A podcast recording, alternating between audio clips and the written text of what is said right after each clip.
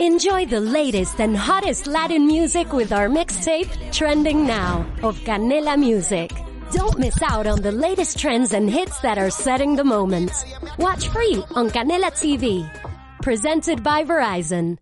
Nos vamos hasta el sur. La mujer gallega en cualquier época fue luchadora y dinamizadora del hogar y la economía. Hoy además se añade al perfil cualificada y con ganas de dar visibilidad al rural. Es el caso de Samantha Cortés. Después de un periplo por el mundo vuelve a Volmente, Sober y se propone ayudar a madres emprendedoras a consolidar sus negocios en el ámbito digital para que puedan conciliar la vida profesional y personal sin renuncias. Samantha. Este desexo veu a min tamén pois por varias cousas. Unha, por querer ser nai, xustamente, e non querer pois nin deixar de traballar, nin tampouco pois traballar a consta de deixar a, a miña filla nunha guardería.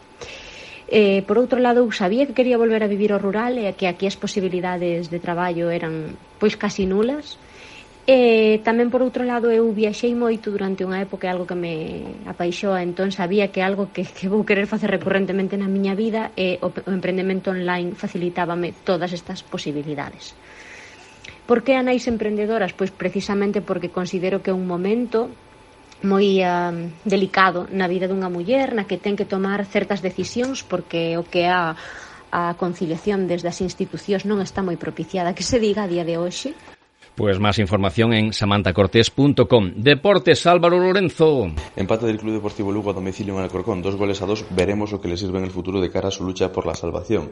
En el partido en el que Lugo no pudo contar con Pita y Gerard Valentín y en el que se cayó Yaló por molestias de última hora, Juan optó por un 4-5-1 de inicio que no funcionó. En el segundo 27, Rui Costa anotaba tras un fallo de Josetti y se vio muy poco del Lugo en la primera parte. En el descanso funcionaron los cambios. Entraron Cristian Herrera y Carrillo Cambió el esquema 4-3-3 tras la salida de Yanis e Iriomi y funcionó. casi en la primera jugada, centro de Canella rematado por Carrillo, que ponía el empate e hizo que el duelo entrara en un momento de alternativas. Alex Mula, tras otro fallo defensivo, ponía el 2-1 para el Alcorcón y pronto, cuatro minutos después, tras un remate de cabeza de Barreiro, el Hacen empataba con su cuarto gol y dando ya 10 puntos al Lugo con sus tantos.